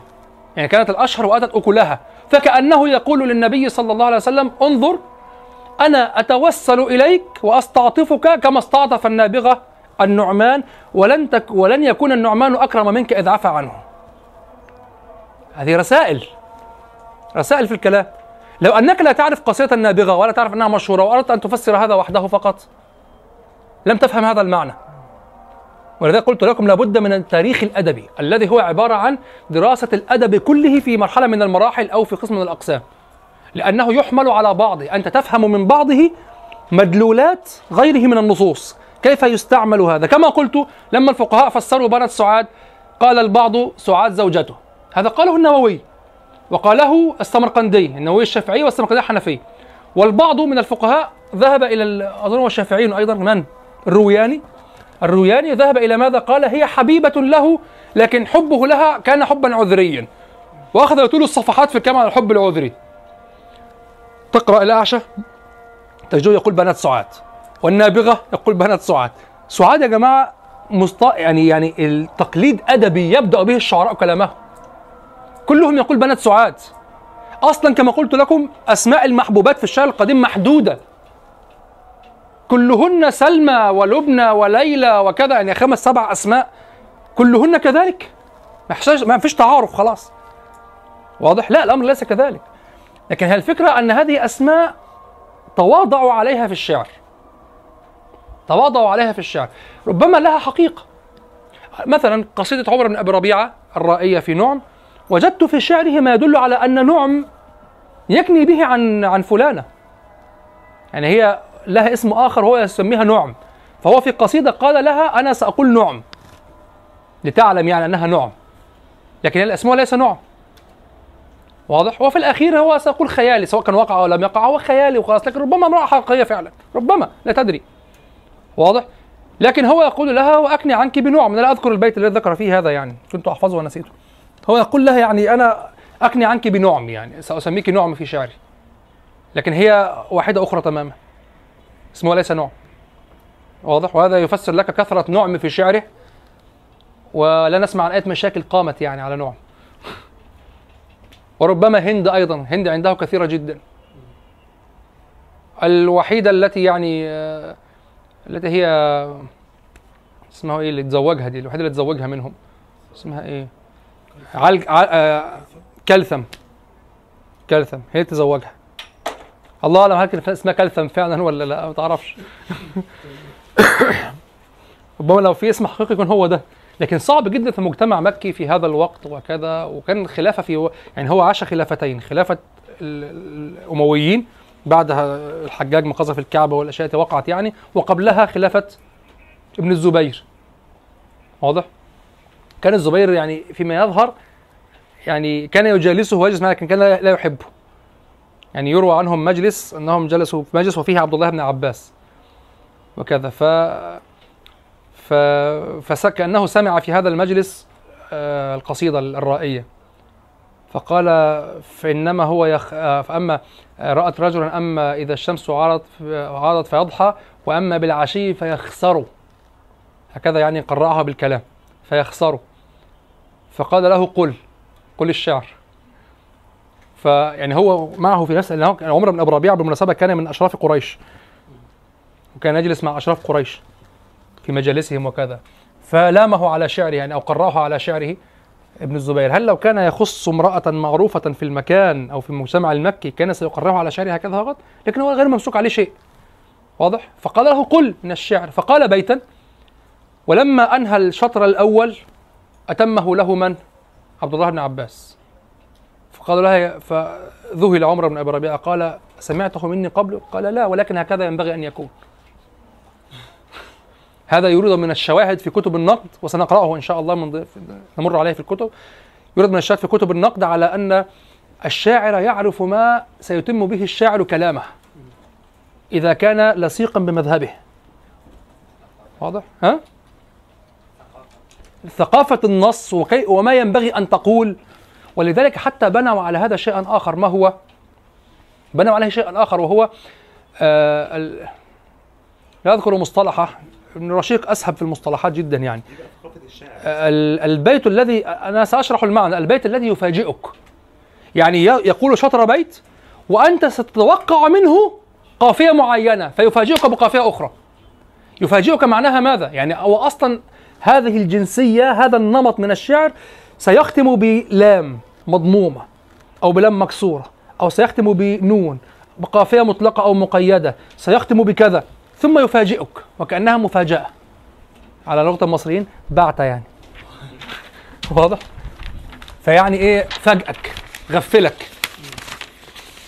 يعني غفلني يعني أنت أنت أصلا لم تقل لم تقل الشطر الثاني. نعم هو أنت توقعت الأول.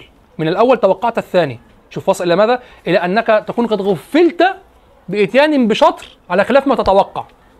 فكأنك تعلم تعلم علم بالشطر الثاني. جعله نوعا من الشعر ابن رشيق. قال القافية الكذا لا أذكر ما- اصطلحوها يعني. ها؟ ثم هذا الأخ ممتاز في الاقتباس من القرآن في هو والأخ الآخر إبراهيم صح؟ برهام. إبراهيم أحسن. لا فلسطيني ما بحبش الأسماء دي. ها؟ إن تعذبهم فإنهم عبادك وإن تغفر لهم فإنك أنت العزيز الحكيم. وليس الغفور كذا كما نتوقع. لماذا يجعلك تفكر فيما سيكون شوف هو جاب جاب مناظر في القرآن. حلوة الإخوة دول حلوين. ها صحيح.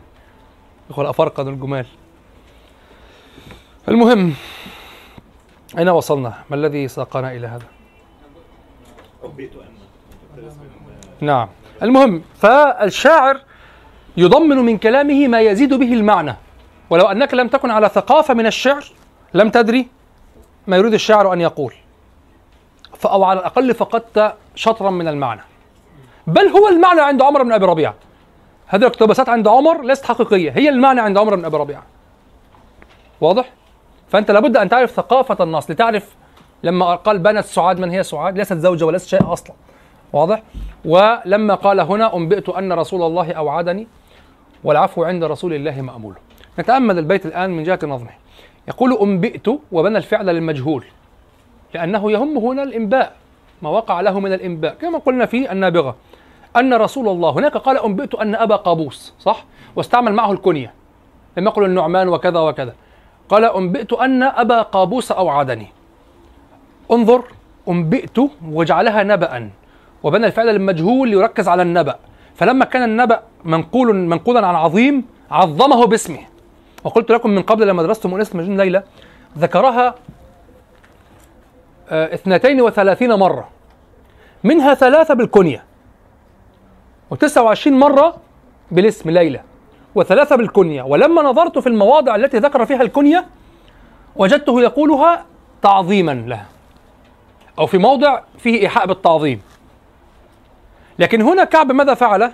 لم يقل أبا القاسم مثلا.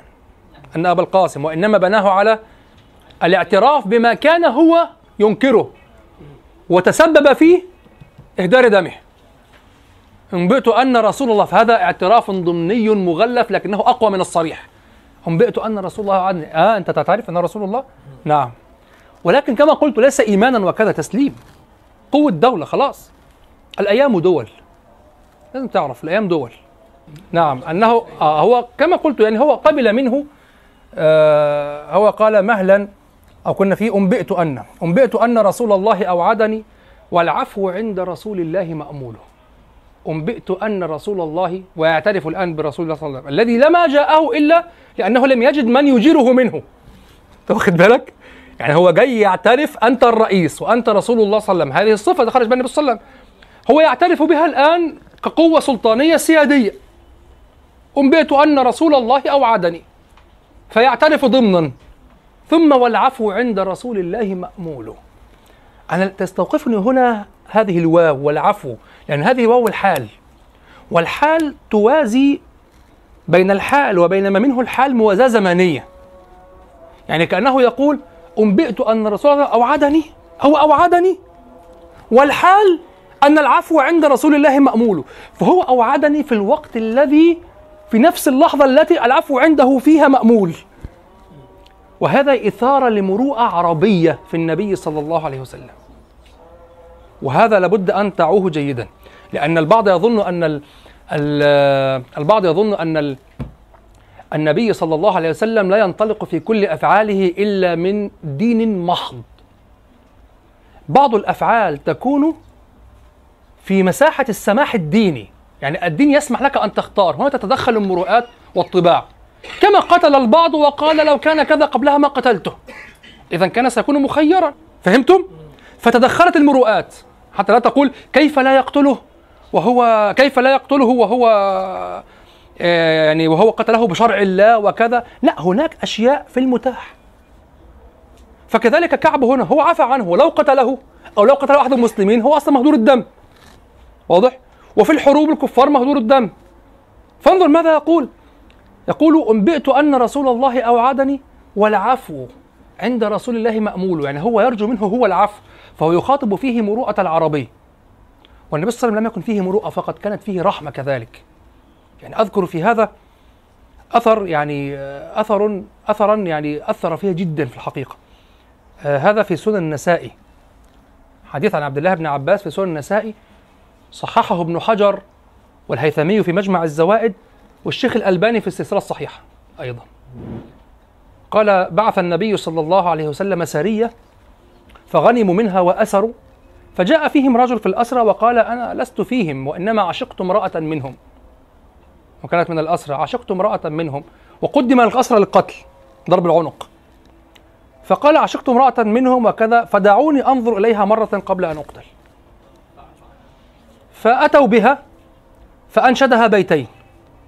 ثم قدمت قدم وضربت عنقه فابن عباس يقول فلما أخبر النبي صلى الله عليه وسلم بذلك قال أما كان فيكم رجل رحيم. يا الله. طبعا إحنا نفكر فيه بقى. آه أنت بقى رايح لها بقى القبيلة بتاعتها. طب أديك اتخذت يا حبيبي ويلا. آه تقد خش بقى على القرمة. آه شوف النبي صلى الله عليه وسلم يقول يقول أما كان فيكم رجل رحيم؟ يعني يسيبه يزوجها له. مع إنه قال له قال له أنا ما لست فيهم يعني أنا ذهبت إليهم. فيه فيهم امرأة أعشقها وقالوا ف- فدعوها فإذا هي امرأة طويلة ادماء يعني بيضاء وكذا وطويلة وكذا. فأنشدها ف آه، أنشدها بيتين وقدم فقتل فذهبت إلى جثته وشهقت مرتين وماتت. حديث صحيح في سنن النسائي سنن الكبرى للنسائي. رقم آه، ثمانية آلاف وستمائة وثلاثة وستين رقم الحديث. نعم. صححه ابن حجر في الفتح قال إسناده صحيح أو إسناده جيد والهيثمي في مجمع الزوائد والشيخ الألباني في السلسلة الصحيحة. واضح؟ فقال النبي صلى الله عليه وسلم أما كان فيكم رجل رحيم.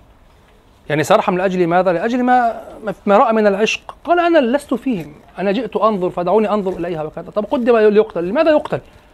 واضح. هو قال أنا لد... فكان هناك إتاحة ومساحة للرحمة. ولم يل... لم يلم شديدا من قتل لأنها كان الأصل لكن كانت الرحمة تقتضي. فلذلك استحقوا بعض اللوم. أما كان فيكم رجل رحيم فهناك مساحة. فكذلك هنا مساحة للعفو. ان البعض سيقول إذا كان قتله بحق الله وبحد الله وكذا كيف يعفو رجل عنه؟ لا هناك مساحة مطلوبة. هو أصلا وقع في النبي صلى الله عليه وسلم. وهناك مساحة وتقدر وتعمل فيها المروءات وتعمل فيها الرحمة. هذا هذا ما يسمى أظن يعني في المحاكم يسمى بالحيثيات فيما أظن. حيثيات الحكم يعني هناك ما أه؟ روح القانون أو الحيثيات ويجلس مثلا شخص قتل قتل خطأ أو كذا أو شبه عمد ولكن نظروا للحال فهو كذا وتعرض لكذا والآخرون فعلوا معه كذا يكون هناك حكم مختلف.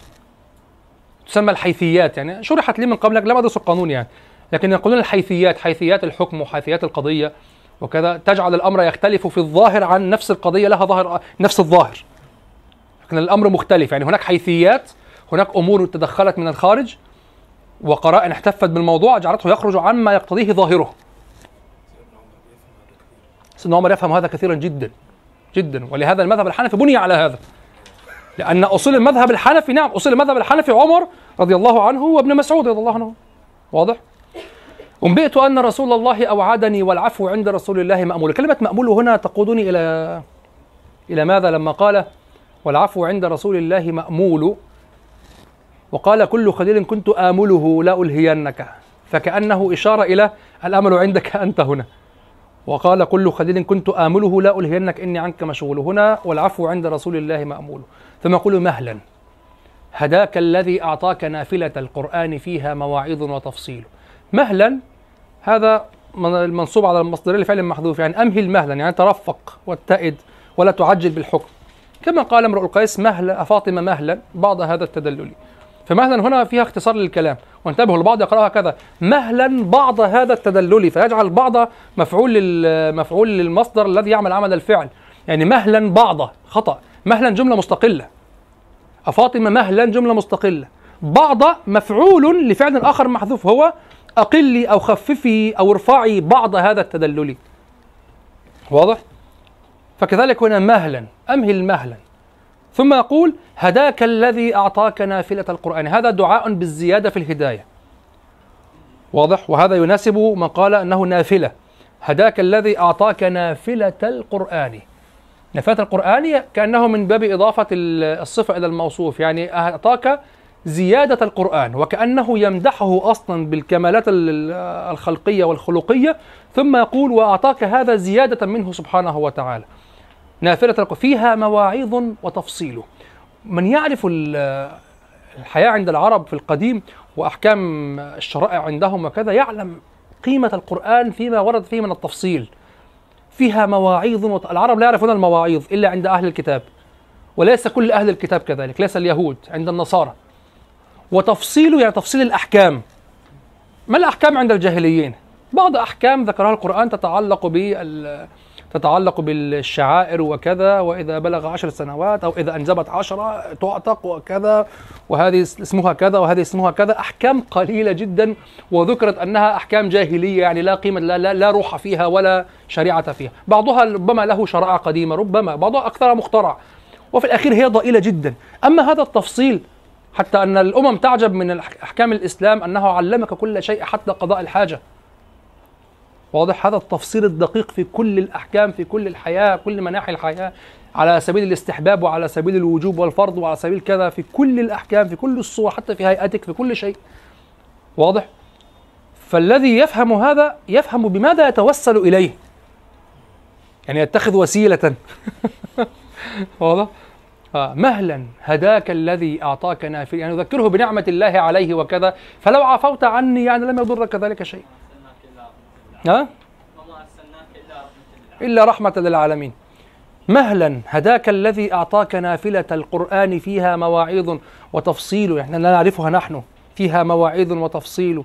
لا تأخذني بأقوال الوشاة ولم أذنب وإن كثرت في الأقاويل. بيت وحيد يتيم هكذا يتبرع فيه ولكنه شحنه في نظمه بماذا؟ شحنه بال... شحنه بالتبرع لكن لا يستطيع أن يطيل. الآخر قال أحكم كحكم وحكى قصة. هذا لا تبرؤ سريع ساذج على استحياء شحنه ثم تركه ولم يرجع. لماذا؟ أنه رمزي دلالي للانكسار عرفي ليس اعتذارا حقيقيا. لو كان بالفعل لم يفعل لاتخذ كل الأدلة على أنه لم يفعل. لكن استعطاف ومدح استعطاف قبله ومدح بعده. لماذا؟ تسليم بقوة الرجل الذي يتحكم خلاص انتهى. فيقول لا تأخذني. بالتأكيد. لا تأخذني بأقوال الوشاة يعني الذين زينوا لك الكلام. وإن أي وإن كانت الحال أنهم وإن للتقليل انظر للتقليل. وإن كثرت في الأقاويل والأقاويل جمع أقوال والأقوال جمع قول. وإن كثرت في الأقاويل لا هي لم تكثر فيك الأقاويل فقط. أنت أصلا آه، فعلت وهو أهدر دمك لهذا وإلا كان اتهاما للنبي صلى الله عليه وسلم. هذا عرف شعري أهو عرف شعري. ومروءة النبي صلى الله عليه وسلم تقتضي أن أن يغفر له هذا. أنت كذبت نفسك صغرت نفسك. صح؟ هو صغر كمان أهل الصعيد الآن كمان يسلم كفنة. عارفين ثلاثة أهل الصعيد؟ أهل الصعيد إذا اراد أن يوقفوا الثأر. طبعا ما فيش حد في الثأر زي أهل الصعيد في العالم أظن يعني. عجيب. عجيب عجيب. وما فيش أطيب من قلب أهل الصعيد يا أخي. عجيب أيضا. عجيب. يعني أنا ما كنتش أتخيل إن جورج قرداحي اللبناني ال- المسيحي ماروني طبعا يجيب واحد يعمل في برنامج اسمه مس- مسامح كريم ويصالح بين الاثنين ويسقط ال يعني انت قاعد سنين مستني وفي الآخر مش كده برنامج يعني ممكن يجي لك ويصالح وخدوا بعض بالحضن كمان. إيه القلب الطري قوي ده والقلب المستغبي قوي؟ ال- الصعيدي إذا ذهب وحمل كفنه هكذا عرف عندهم. يترك آه، يحمل كفنه ويسلمه. الذي اعرفه كان أنه كان ينام بجانبه أو لا أدري كان يحدث الآن. الشيخ محمد الطيب الشيخ الأزهر اسألوه هو يعرف إن هو تدخل في أشياء كهذه لعصمه الدماء كثير. هو من أهل الصعيد من الأقصر حيث الثأر وحيث كل شيء. واضح؟ إذا تقدم و- بكفنه وقدمه هكذا فهو أنزل من كرامته في مقابل عصمة الدم وق- وقطع تيار الدم. والبعض يقول أقتل ولا أقدم كفني لأنه نزول. يقول تقديم الكفن هذا أشد. لكن أحيانا خلاص يعني يفعلونه بعد أن آه بعد أن يتفانوا. وتسفك الدماء كثيرا جدا ويريد أن خلاص يأمنوا أن يأمنوا على أولادهم وكذا. فخلاص فأحدهم يقدم كفنه الذي عليه الدور يعني الذي عليه يقدم كفنه وخلاص. وأهل الصعيد لا يأخذون القاتل. يأخذون الأفضل من القبيله يعني ربما يمر القاتل أمام أعينهم يتركونه. لماذا يضعون أعينهم على لا بس هم شخص آخر. هم في الآخر بيجوا يعني مثلا لو اب قتل فهيقتلوا من ابنائه الأفضل. بس يكون من, من أبنائه. يعني.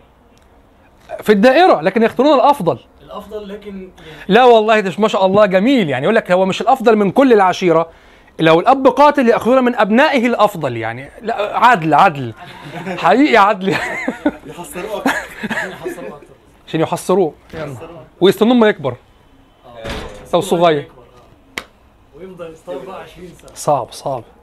يقول مهلا هداك الذي أعطاك نافلة القرآن فيها مواعيظ وتفصيل لا تأخذني بأقوال الوشاة ولم أذنب وإن كثرت في الأقاويل. فهو يقول لا تأخذني ولم أذنب يعني يخاطب مروءة النبي صلى الله عليه وسلم ولم أذنب وإن كثرت في الأقاويل وهذا اعتراف منه ولذلك شحن. قال الأقاويل انظر إلى عناصر الشحن الأسلوبي هنا. قال الأقاويل جمع أقوال والأقوال جمع قول. وقال ولم أذنب وإن كثرت في وأتى بواو الحال. انظر لا تأخذني بأقوال الوشاة والحال. هذه واو الحال. والحال أنا لم أذنب. كيف تأخذني بأقوال الوشاة ولم أذنب؟ وإن كثرت في الأقاويل. فشحن البيت سريعا هكذا ثم مر أمرره مرا سريعا وشرع في المدح. الآن بعد أن تبرأ سريعا وخطب مروءة النبي صلى الله عليه وسلم واستعطف يبدأ في المدح الطويل الذي تهدأ به النفوس. فيقول لقد أقوم مقاما لو يقوم به أرى وأسمع ما لو يسمع الفيل لظل يرعد إلا أن يكون له من الرسول بإذن الله تنويل. يقول لقد أقوم مقاما يعني أقوم في موقف في موضع لو يقوم به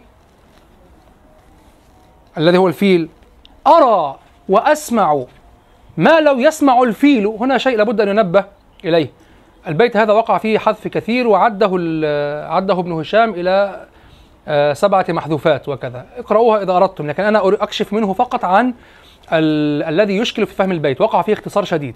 يقول لقد أقوم مقاما هو يقسم طبعا هذه لام قد وقد وقبلها قسم. لقد يعني والله لقد أقوم مقاما. أكون في موقف. لو يقوم به ثم يقول أرى وأسمع. يعني أرى ما لو يسمع الفيل وأسمع ما لو يسمع الفيل. أرى وأسمع ما لو يسمع الفيل. تقدير الكلام أرى ما لو يرى الفيل وأسمع ما لو يسمع الفيل. أنت تقول هذا في حياتك يعني أرى وأسمع ما لو ترى؟ لحظة. أرى الأولى. ما متعلقها؟ أصلا لها متعلق كان الأصل أن يظهر ولكن استغني به عما بعده واستعمل واو العطف. قال أرى وأسمع ما لو يسمع الفيل. أين ما لو يرى الفيل فهم من السياق. وهذا من الحذف عند الشعراء وعند النحويين. يقول أرى وأسمع يعني أرى ما لو يرى الفيل وأسمع ما لو يرى الفيل. لظل يرعد. هذا الجواب جواب أية لو؟ آه. يقول لقد أقوم مقاما. لو يقوم به. يقوم اللي يقوم يقوم يقوم هنا الفيل. إذا البيت الثاني جواب للو الأولى. كم لو عندك في الكلام؟ ثلاثة. ثالثة مقدرة. نعم. لقد أقوم لأنك ترى ابن هشام يتحدث عن اللو كأنها موجودة. واضح؟ كأنها مكتوبة. لقد أقوم مقاما لو يقوم به أو اللو. أرى ما لو يرى الفيل أسمع ما لو يسمع الفيل. طيب هناك أيضا محذوفات. أين جواب أرى لو؟ وأسمع لو. هناك اثنان لو. تحتاج إلى جواب. يفهم من الثاني من البيت. يفهم من جواب لو الأولى. رأيت هذا يقدر كثير في كلام العرب. وأنت تأخذه ودون أن تشعر أنه مقدر. لو تأملته وجدت أنه لابد أن يظهر في الكلام. لقد أقوم مقاما لو يقوم به. ثم يشرح يشرح هذه اللو الأولى. أرى وأسمع ما لو يسمع الفيل ثم يقدر داخل التقدير داخل الجملة التي هي شرح وتفصيل. ثم يستغني عن كل هذه الجوابات بالجواب الثاني الذي هو اللو الأولى التي اللوات الأخرى تفصيل لها. واضح؟ أرى وأسمع ما لو يسمع الفيل لظل يرعد إلا أن يكون له من الرسول بإذن الله تنويله يقول لقد أقوم مقاما لو يقوم به. أرى وأسمع ما لو يسمع الفيل. طبعا لماذا اختار الفيل؟ لابد أن تعرف أيضا لغة العرب. العرب لا يعرفون الفيل الفيل في الهند وفي إفريقيا. ولذلك لما جاء أبرهة قالوا جاء بجيش الأفيال وليس فقط بالفيل هو يركبه بجيش الأفيال كان هذا مهيبا عند العرب وهو أضخم حيوان عند العرب أضخم في العالم أصلا. ولذلك أقول هنا السياق ليس ثقافيا فقط السياق أيضا آه سياق يعني يطلب ما زال موجودا حيا. لماذا؟ لأنه يتكلم عن الرزانة ويتكلم عن اللامبالاة. أي حيوان أكثر في اللامبالاة والرزانة من الفيل؟ فكيف الفيل يظل يرعد؟ لقد أقوم مقاما لو يقوم به أرى وأسمع ما لو يسمع الفيل. يعني لو يقوم به الفيل لظل يرعد. إلا أن يكون له من الرسول بإذن الله تنويله انظر بإذن الله والتضمينات التي في الكلام بإذن الله تنويله وسأقف معكم وقفة عند بإذن الله. والتنويل هنا هو العطاء والمراد بالعطاء هنا العفو والأمان. في هذا السياق خاصة يعني ده اسلوب اسلامي اللي هو باذن الله نعم. البعض يقول أسلوب إسلامي وكذا. الذي سيفسره بأنه أسلوب إسلامي سيفهم أنها بإذن الله كالتي عندنا. وهي عند كعب مختلفة. ارجعوا إلى هذه الألفاظ قبل أن تسري بالمعاني الإسلامية على ألسنتنا. بإذن الله من الإيذان الذي جاء منه الأذان من إعطاء الإذن الذي هو السماح للشيء. وكأنه يحرج النبي صلى الله عليه وسلم بنزع الأمر من يده ووضعه في يد الله سبحانه وتعالى. إلا أن يكون للفيل مش أنا من الر... انظر إلا أن يكون له من الرسول بإذن الله. الأمر ليس بيدك يا رسول الله. ومن قبل قال فقد فكل ما قدر الرحمن مفعول يظل يعلق الأمر بالله سبحانه وتعالى. هذا إحراج النبي صلى الله عليه وسلم. كأنه يخرج الأمر من يده. من تخيلوا أن كلمة بإذن الله ليست كما نقولها نحن بإذن الله. بإذن الله إن شاء الله. لا دع هذا الكلام قيل قبل أن يفشو حتى هذا السياق في الكلام حتى في المسلمين. حتى في المسلمين. فهمتم؟ من الرسول بإذن الله. يعني ضع ضعها على أنها كلام مقصود ليس بإذن الله. لقد أقوم مقاما لو يقوم به. شوف لابد تج- تجاهد نفسك لتخرج هذه المعاني من الداخل. مشكلة. وهناك بعض المعاني كما وردنا كما منذ محاضرتين تقريبا لما ذكرنا بعض المعاني يصعب جدا أن تخرجها في في موضعها صح؟ كان إيه؟ ها؟ ها؟ لا لا كان في بعض الألفاظ. لما ذكرت معها كلمة حمار حمار مدح يعني الحمار مدح. حرباء حرباية وحرباء وكذا. الحرباء اكتسبت عندنا إنها صارت يعني علم لل فلان حرباية يا ولية يا حرباية فالحرباء تقول كلمة حرباء في عند المصريين حرباء ترت في ذلك المرأة الحرباء المتلونة يعني كذا. واضح؟ فهناك ألفاظ أصلا من الصعب عليك جدا أن تخرج بها عن محتفاتها الزمنية. تحتاج إلى الاجتهاد شديد. لهذا تلام إذا قلت شعرا ووضعت فيه هذه الألفاظ على أنها من الفصيح القديم. إلا إذا كنت صاحب قضية وتقوله في إطار محدد من الناس وتريد أن تقول كذا أو كذا كما حدث في أشعار الشيعة. أجد في أشعار الشيعة أحيانا ما لن يفهمه إلا هؤلاء الشيعة. يعني هو هذا المصطلح لو خرج من دائرتهم سيفهم فهما قبيحا أو سيفهم على معنى قبيح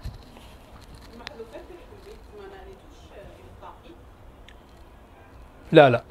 لأن هذه المحذوفات محذوفات اعتدناها.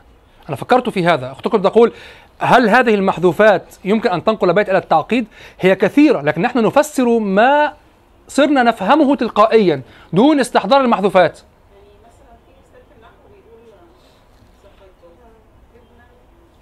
ده في تعقيد. آه. وهذا ليس فيه تعقيد. ليس فيه تعقيد. تعقيد بيت الفرزدق. آه. ده يستحيل يفهم أصلا. يعني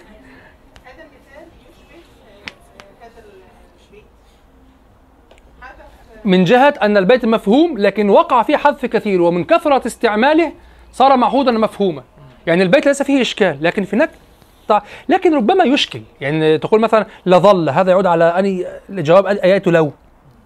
فلذلك قلت قلت لابد أن أشرحها يعني. لأن المعنى واضح نعم. لظل يرعد إلا أن يكون له من الرسول بإذن الله. لابد أن تستحضر هذا. لقد أقوم مقاما لو يقوم به أرى وأسمع ما لو يسمع الفيل. لظل يرعد إلا أن يكون له من الرسول بإذن الله تنويل.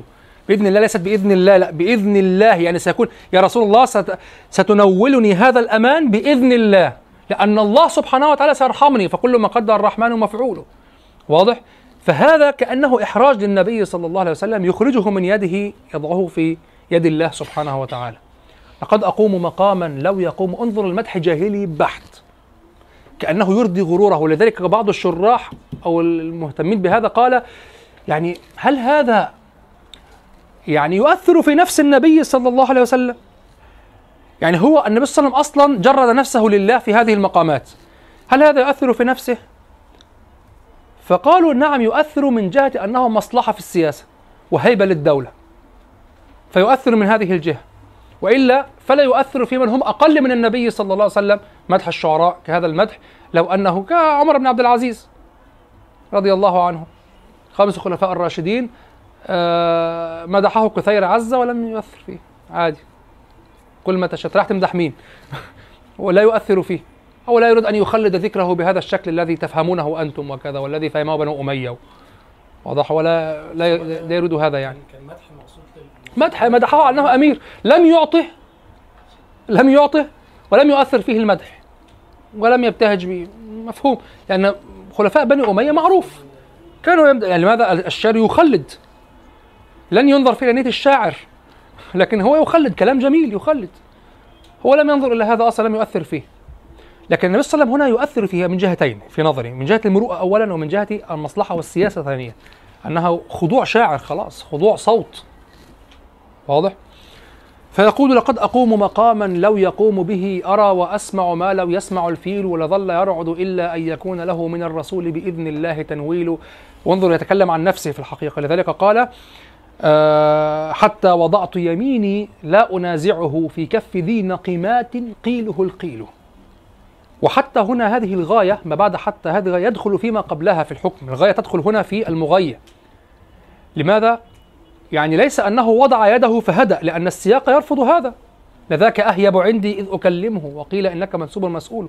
فنبه الشراح على هذا. قال الغاية هنا تدخل في المغية يعني ظل هذا مستمرا حتى إلى أن وضعت يدي في يد النبي صلى الله عليه وسلم.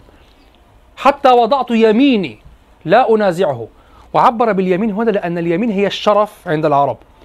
وشيء آخر لم أره في الشروح أن اليمين هي القوة عند العرب. وضع يمينه يعني سلم نفسه. واضح؟ حتى وضعت يميني لا أنازعه. قالوا اليمين هي تدل على كل شيء شريف ولذلك منع الاستنجاء بها ومس الذكر بها وكذا كذا كذا.